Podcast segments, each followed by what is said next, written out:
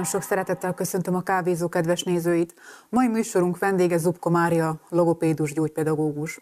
A mai témánk pedig a beszédfejlődés. Ezen belül is kitérünk egy nagyon érdekes jelenségre. Az elmúlt egy év időszaka a bezártság megváltoztatta a gyermekek kommunikációját. Ezt fogjuk ma kivesézni. Nagyon sok szeretettel köszöntöm a stúdióban. Köszönöm meghívást, szép napot mindenkinek! Hát akkor első körben beszélgessünk egy kicsit arról, hogy mi határozza meg a beszédfejlődés, milyen komponenseknek kell jelen lennie ahhoz, hogy a beszédfejlődés az megfelelő legyen. Azt szoktam mondani, és nem csak én, hanem a szakemberek, hogy a beszédfejlesztés és a beszédfejlődés a fogantatással kezdődik. Ugyanis a gyerekek nagyon korán, még a pociban tudják a rezgéseket fogni. Tehát, hogyha én sokat beszélek a magzathoz, és a magzati állapotban, a csecsemő állapotban nagyon sokat beszélek, tisztán, érthetően, és nem gügyögök, akkor a gyereknek a beszédfejlődésének az alapjait leraktam. Nagyon jó alapokat képezek, és folyamatosan arról kell beszél, úgy kell beszélni a gyerekkel, hogy ne legyen soha kicsinyítő képző, ha csak nem muszáj, és akkor egészségesen szépen fog fejlődni a beszéde. Hogyha gügyögünk, hogyha gagyogunk, hogyha játszunk a szavakkal, jó az egy pillanatig. Ezt hagyjuk meg a nagymamának, meg a nagypapának. A szülő az igenis beszéljen érthetően, tisztán a gyerekével. Ez egy általános hiba egyébként, amit a szülők elkövetnek? Az, hogy gügyögnek, az, hogy kicsinyítő képzőket használnak? Általánosan tapasztalom, és ezt tényleg, mint logopédus nagyon sok év óta tapasztalom, hogy azok a gyerekek, ahol a szülő sokat használta a kicsinyítő képzőket, sokkal nehezebben indul a beszéd. Amíg ugye magyar nyelvet vesszük, egy gyönyörű nyelv, hát a világ legszebb nyelve nekem, és abban annyira szépen ki vannak alakítva azok a szavak, amik az elsők, amiket neki ismerni kell. Tehát, hogyha én azt mondom a gyereknek, hogy ráadom a kezedre, tehát van kéz, van láb, van fej, van szem, van orr, van száj, egy szótagú szavak és mennyivel másabb azt mondja a lábacskát, kezecskét, arra nem képes még a gyerek. Akkor ő csak tudja, hogy hát mondják neki sokszor, hogy kezecske, aztán nem tudja, hogy hogy, hogy mondja ki. Viszont azt, hogy láb, azt, hogy fej, nagyon könnyen megtanulja. Mert három hangzót igazán együtt tud kimondani. Az eleinte, amikor még csak gőgicsél, akkor is figyeljünk arra, hogy hogyan tartja a hangképző szerveit, hogy szépen nyitja a száját, szépen csücsöríte, mert ezek alapos felkészítést igényelnek. Mert én tapasztalom, hogy a gyerek nem tud jól csücsöríteni, akkor e, már kell azokat az izmokat erősíteni, amelyek a beszédhez szükségesek lesznek. Általában a szoptatott gyerekeknek ezzel nincs gondjuk, mindaddig, amíg fél éves korában nem kezdjük el hozzátáplálni őket, pontosan azért, hogy bekapcsoljuk az összes beszélő izmot az étkezésbe. Mert az étkezés által természetes úton tudjuk a beszélő izmainkat masszírozni. Meg kell említenünk, hogy a mozgásnak is kiemelkedő szerepe van. Hát nagyon nagy szerepe van. A vastag mozgás nélkül a finom mozgás nem igen fog fejlődni a finom mozgás, a legfinomabb mozgás a beszéd, a finom mozgás a kéz, az ujjak, és ezeknek a mozgás, és a vastag mozgás a járás, az ülés, az állás, semmit sem szabad kihagyni. Tehát ne próbáljuk a gyereket ültetni mindaddig, amíg ő maga nem képes arra, hogy átforduljon, hogy a fenekét kinyomva megpróbáljon felülni. Tehát megvan a gyerekek genetikailag kódoltak arra, hogy ezt a mozdulatot tudják. Amennyiben nem mozgássérült, erre a gyerek, minden gyerek képes. 7-8 hónapos korában simán felül egyedül, addigra olyan jó erősek a hátizmai, hogy már egy vastag mozgást be tud vállalni. És aztán a járás az ugye föláll, magától fog fölállni, magától kezd járni. Ha ezt erőltetjük, nem biztos, hogy minden izma még felkészült ahhoz a mozgáshoz, amit szeretnénk. Nagyon hajlamosak vagyunk most már a babakocsi gyártóknak köszönhetően hamar ültetni a gyereket. Annyira pici babakocsikat készítenek, hogy a fél éves gyerek már nem fér el benne kényelmesen. És akkor megpróbáljuk a hátát megemelni, megpróbáljuk benne ültetni, és biztos, hogy neki a hátizmai elég erősek ahhoz. tud ő biztonsággal forogni az ágyon jobbra-balra, és tud már kúszni, előre nyújtott kézzel valami után nyúlni hason fekve, fejét képes tartani magasan, mert akkor ültethetem, hogyha a hátizma, minden izma jól működik, és amikor ezek a vastag mozgású izmok jól beindulnak, utána elindul a finom mozgás, hiszen tud fogni. Játékokat megfogja, egymáshoz érinti, és elkezd, a, ha jól fejlesztettem a száizmait is, elkezd gagyogni, gügyörészni, gagyogni, és elkezd hangokat kiadni, játszik a hangszálaival, mégpedig úgy, hogy ugye gőgicsél, e, egész ilyen torokhangokat képes kiadni, aztán elkezdi a nyelvét hozzá mozgatni, és akkor mindenféle kombináció hangok jönnek, amik már néha azt is úgy is képzeljük, beleképzeljük, hogy ő szavakat mond, annak a szavaknak még 7-8 hónapos korban nincs értelme. Ő még nem szavakat használ, hanem kimondottan játszik a hangképző szerveivel, és az már az emberi beszédhez hasonló hangok összessége. Amikor ez beindult, aztán nagyon fontos, hogy folyamatosan beszéljünk a gyerekhez. Folyamatosan. És nem az a fontos, hogy mozgás legyen körülötte, hanem hogy ő mozogjon. Egy nagyon érdekes tapasztalat az, hogy most nagyon nagy divat a gyerekágyak fölé, a babakocsik fölé oda tenni mozgó játékokat. A gyerek nézi, forgatja a fejét, izeg mozog, és folyamatosan azt látja, hogy mozogni kell, mert nem lehet másképp. És ez nem tesz jót neki, mert állandó inger éri őt arra, hogy mozogjon. És aztán ez később visszavezethető oda, hogy innen indult el a hiperaktivitás, az örökké mozgó, nem is igazán hiperaktív az a gyerek, hanem az örök mozgó. Mert könnyű rásütni a gyerekre, hogy hiperaktív. Az egy diagnózis. De az, hogy ő neki nagy a mozgásigénye, hogy folyamatosan valamit kell csinálni, ezt, ezt ide tudom visszavezetni. Saját magam három gyerekéről tudom, hogy mind a három másképp fejlődött, de mind a háromnál ki, megpróbáltuk kiiktatni ezeket a mozzanatokat, annak ellenére van olyan, amelyik mozgékonyabb, mint a másik. Pedig én tudatosan neveltem őket már ebből a szempontból, és a beszédfejlesztés szempontjából is. Tehát nem minden gyerek kezd egyszerre beszélni, mindegyiknek más a tempója, tiszteletben kell tartani. Nem kell semmit elsietni. De biztos van egy határ, amikor azt mondjuk, hogy ebben a korban már azért beszélnie kellene a gyermeknek.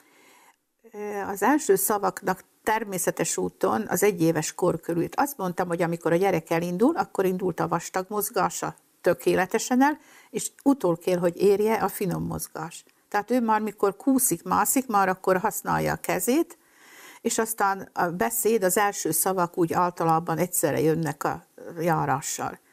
És aztán két éves korára el kéne érni azt, hogy egy 250-300 szó legyen a tarsójában, és azokat már tudja esetleg egymás mellé rakni. Lehet, hogy még nem lesz nyelvtanilag tökéletes az a mondat, de azért már el tudja mondani, hogy mit szeretne. Három éves korban a gyereknek egyszerű mondatokban meg kell tudnia fogalmazni azt, amit el szeretne érni, amit megélt. Tehát nem mondom, hogy történetet mesélni. És az utóbbi időben, és ez sajnos ennek, ennek a kornak a hozománya, hogy sokkal kevesebbet beszélnek a gyerekek, de a szülők is kevesebbet. Sokkal többet nézzük a képernyőket, a televíziót, kezünkben van a mobiltelefon, non-stop online van mindenki, és sokkal kevesebbet beszélgetnek a családtagok egymással is. Megváltozott egyszerűen az igényünk is valamelyest. A gyerekeknél ezt hogy lehet megfigyelni? A gyerekeknél is megváltozott, már csak abból kifolyólag is, hogy azt látja, hogy anya ül az egyik tévénél, apa ül a másiknál, mert ugye most már ez a trendi, hogy mindenkinek legyen saját tévé, az egyik az esetleg ilyen jellegű műsorokat, a másik olyat néz, és aztán a gyereknek a tablet, és abban a, megy a mese, és nem beszélünk egymással. Elfelejtettük, hogy a kommunikáció minden fejlődés alapja. Tehát az, hogy én szellemileg jól fejlődjek, ahhoz nem elég látnom, nem elég hallanom, hanem beszélnem is kell tudni róla. Hogyha nem beszélünk eleget a gyerekkel, ha nem, folyamatosan nem mondjuk neki, hogy mit csinálunk és miért csináljuk, akkor sokkal lassabb ez a beszédfejlődés. vagy pedig kialakítja a saját nyelvezetét. Az utóbbi időben most már nem tudom, hanyadik gyerekkel találkozom, ahol a három és fél, négy éves korban jön a szülő, hogy nem tudja, hogy, hogy, hogy mondja, beszél az a gyerek, csak senki nem érti, hablatyol. Van neki egy saját kis szókincse, amit úgy használ, hogy ő a saját nyelvezetet alakított ki. Hát mert egyszer angol mesét nézett, egyszer szlovák mesét nézett, egyszer magyar mesét. Anya nem ült le minden este az ágya mellé, és olvasott neki, mesélt neki szép, anyanyelvi szinten, ami a jövőjét tekintve nagyon fontos. Tehát ezek a mozzanatok a hiányzanak, akkor az a gyerek tényleg négy éves korában jól mondják, hogy az anyja se érti a szavát. Ön mit javasol? Hány éves korban érdemes elkezdeni idegen nyelvet tanulni egy gyermeknek?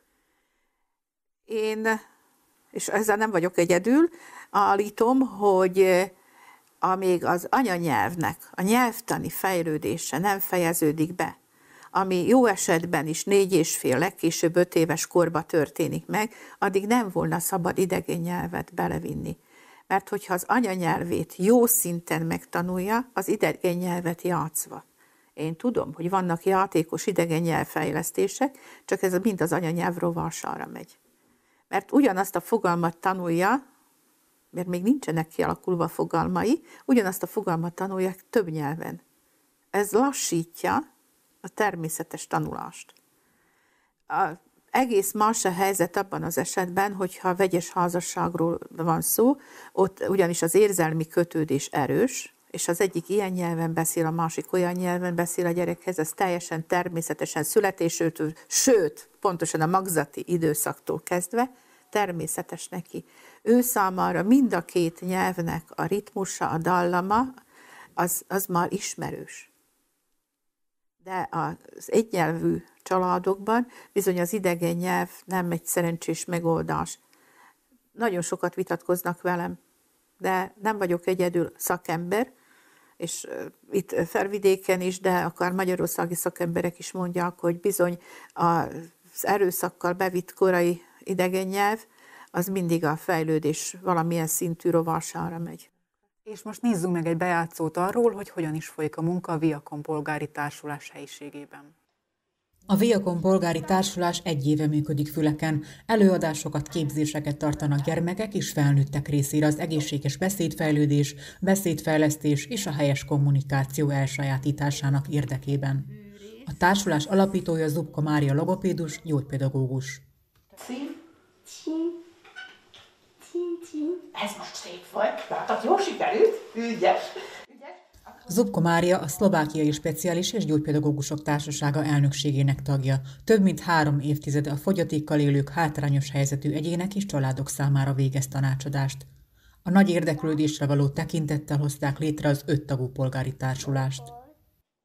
Az első igazi megmérettetésem az a óvópedagógusok fóruma volt a Szlovákiai Magyar Pedagógus Szövetség mellett, ott kezdtem én igazán ezzel foglalkozni, aztán megkér, megkeresésre nagyon sok iskola a Carissimi non-profit alappal közösen Kelet-Szlovákiában egészen kis tarkanyig eljutottunk, és ott segítettük jó tanácsokkal ellátni a szülőket. A társulás egyik tagja Zubko Mária lánya, aki klinikai logopédus. Együtt járnak előadni, így két oldalról is meg tudják közelíteni az egészséges beszédfejlődés feltételeit. Remek kezdeményezésnek tartja a szülők iskoláját, hiszen az előadások során a szakemberek a legfontosabb kérdésekről beszélhetnek a szülőkkel. A szülők járunk, és a szülők iskolájában mondjuk el, hogy hogyan segíthet rá a szülő, hogy a gyereknek a beszédfejlődése egészséges legyen. Ugyanúgy az óvodákban, az óvónénikkel foglalkozunk, és azoknak segítünk, hogy milyen játékos módszerekkel tudják egy-egy foglalkozáson belül is segíteni a gyereket. Olyan embereknek is javasolja a szolgáltatásaikat, akik baleset után vannak, és nehezen indul be náluk a beszéd.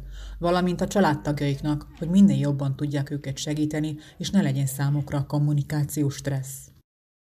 Térjünk vissza akkor még picit a, a szókincshez.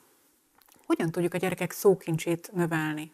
Az élő szó az a legfontosabb, az egyértelmű, de hogyan tudjuk ezt még színesebbé tenni? Amikor születése után füröztöm, akkor elmondom, hogy megmosom a kezed, a lábad, a szemed, tehát folyamatosan kapja élő szóban az információkat. és az, hogy kéz, láb, fej, fül, has, hat, ezek a fogalmak lassan lerakódnak. Ezek ott vannak tartalékban, és erre építjük a többi szót minden esti meséléssel. Minden este. És élőszóban, az anyahangján, az ismert, elfogadott hangon, az nem igaz, hogy egy fél éves gyereknek nem kell a mese. Egy fél éves gyerek is nagyon szépen alalszik attól, hogy az anyahangját hallja folyamatosan és természetes formában. Ennek nincs alternatívája. Tehát az emberi szónak nincs alternatívája a beszédfejlesztésben és a beszédfejlődésben és a szókincs gyarapításban sem. Olyan sok érdekes lehetőség van képekkel, de jó, hogyha bekapcsolunk több receptort, tehát hallja, hogy kimondjuk, lássa, hogy mit mondunk, az nagyon jó. De az, hogy még meg is tudja fogni konkrét dolgokat, annak nincs párja. Az a legfontosabb. Tehát minden receptort, amit be tudunk kapcsolni, azt kapcsoljuk be.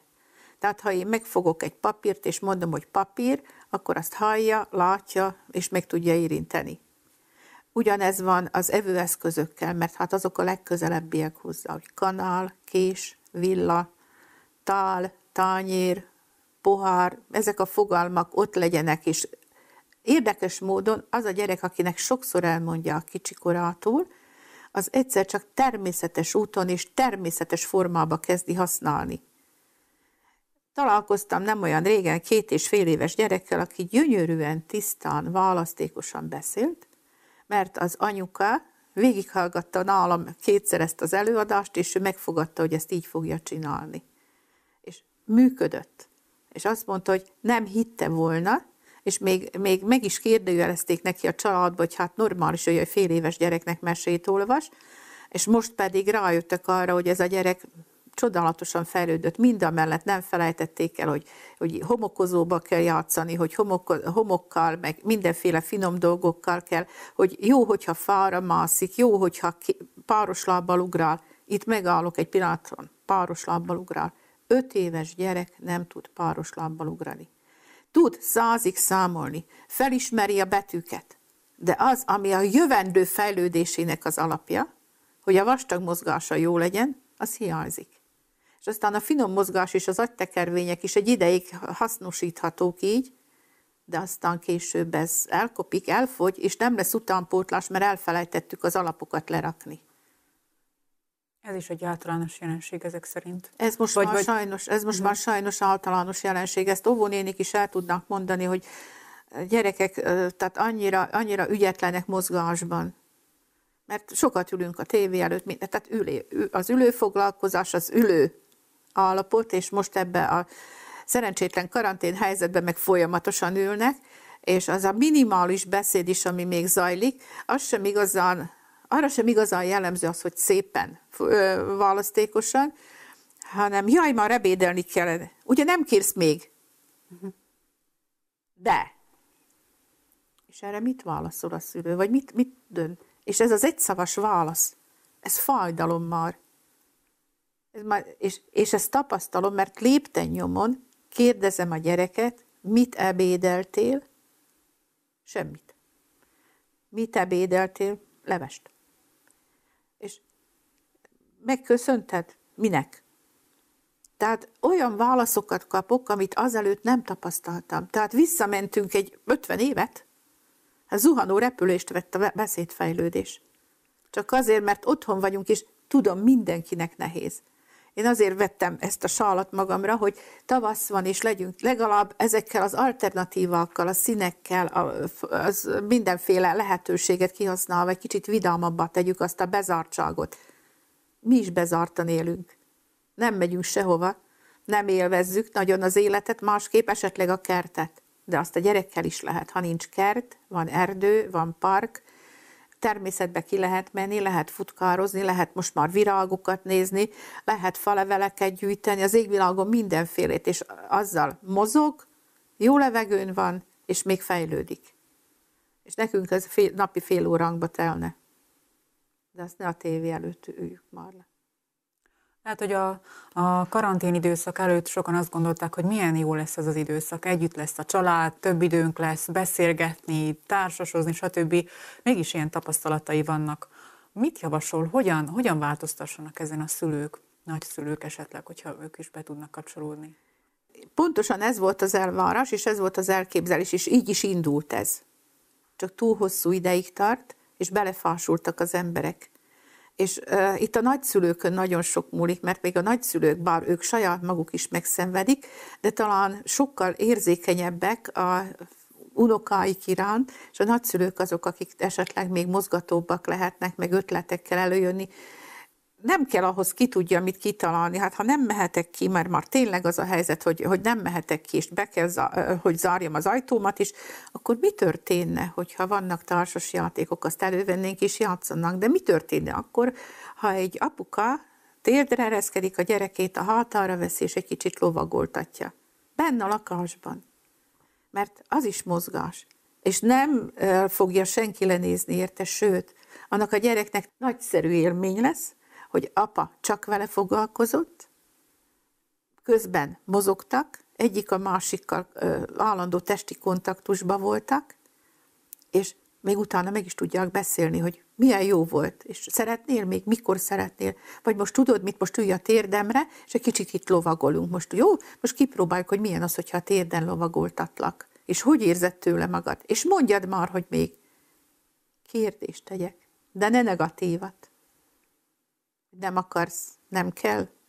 Gyógypedagógus szemmel nézem én ezeket a dolgokat. Nagyon sokáig dolgoztam fogyatékkal élőkkel, és tudom, hogy végtelen nagy szeretetre éheznek, és végtelen nagy szeretetet tudnak adni ott, ahol kapják.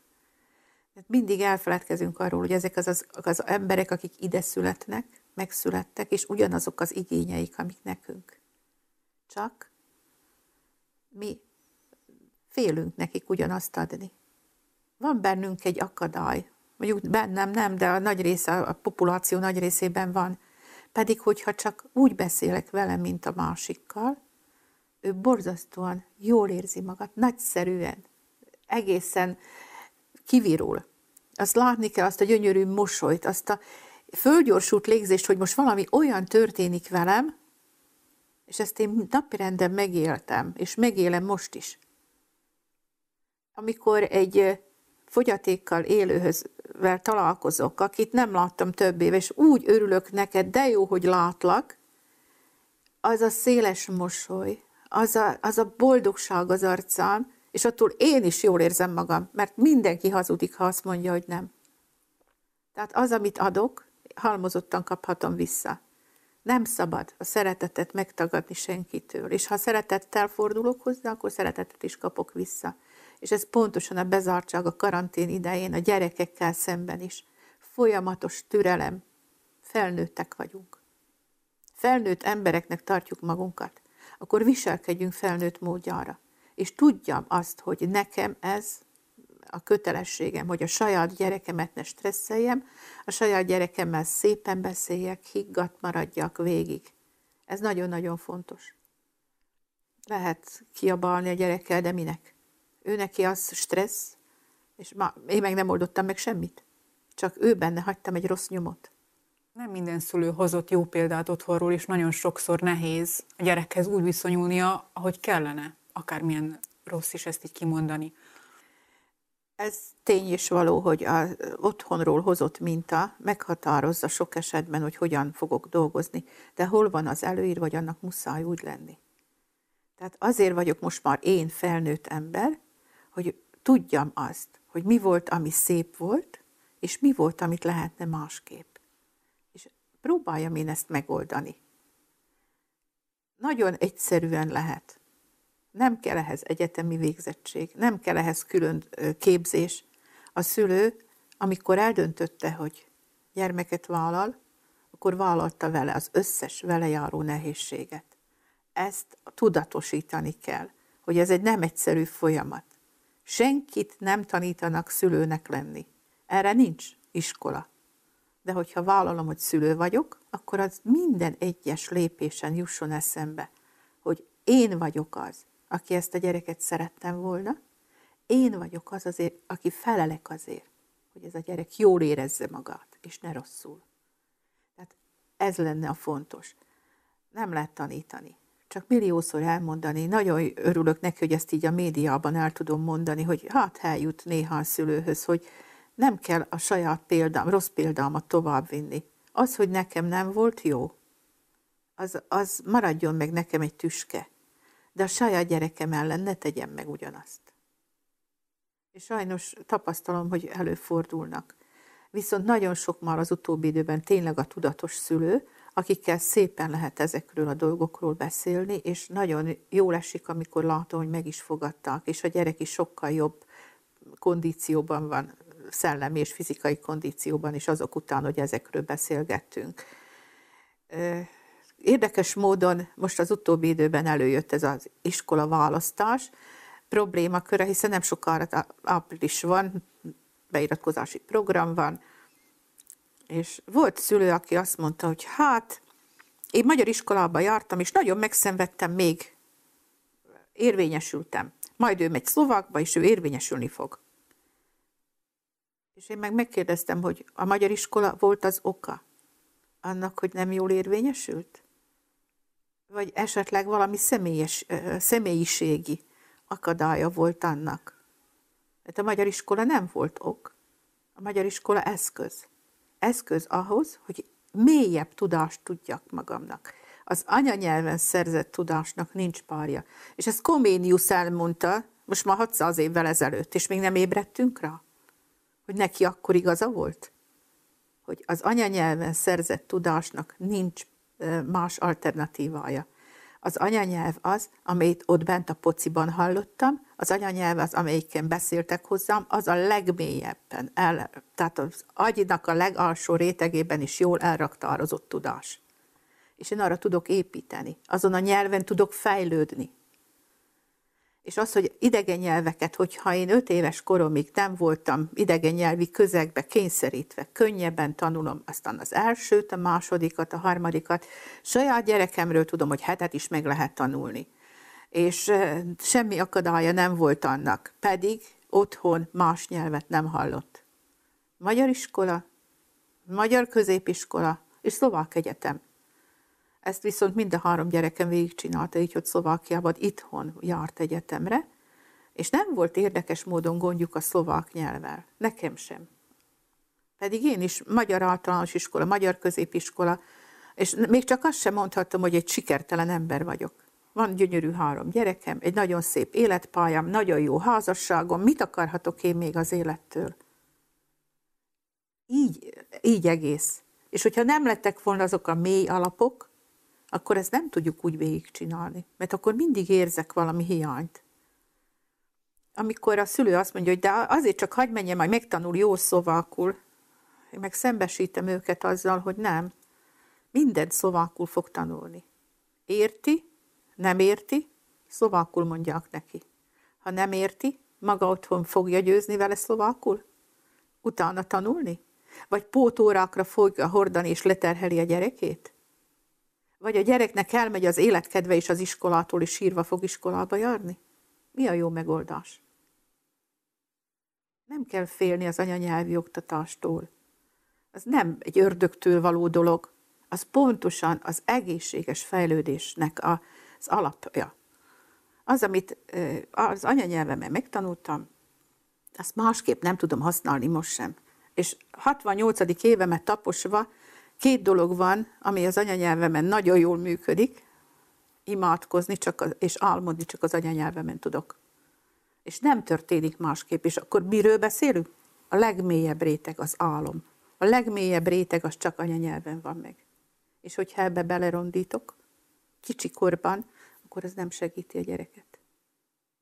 És azért van aztán sok csalódott, hogyha szétnézünk a környezetünkben, és most csak ezt a kis régiót vesszük, a legsikeresebb embereink a környezetünkben szinte mind magyar iskolából jöttek. Szlovák egyetemre jártak, és most nagyon sikeres emberek. A városvezetésben ilyenek vannak, a községek, a falvak vezetői ilyenek. Érdekes, ugye? És sikeres emberek, orvosok, pedagógusok, mérnök emberek, gyógyszerészek, és mind anyanyelvi képzést kaptak, és az anyanyelvükön alapozták meg azt a tudást, amit aztán az egyetemen idegen nyelven meg, még tovább fejlesztettek.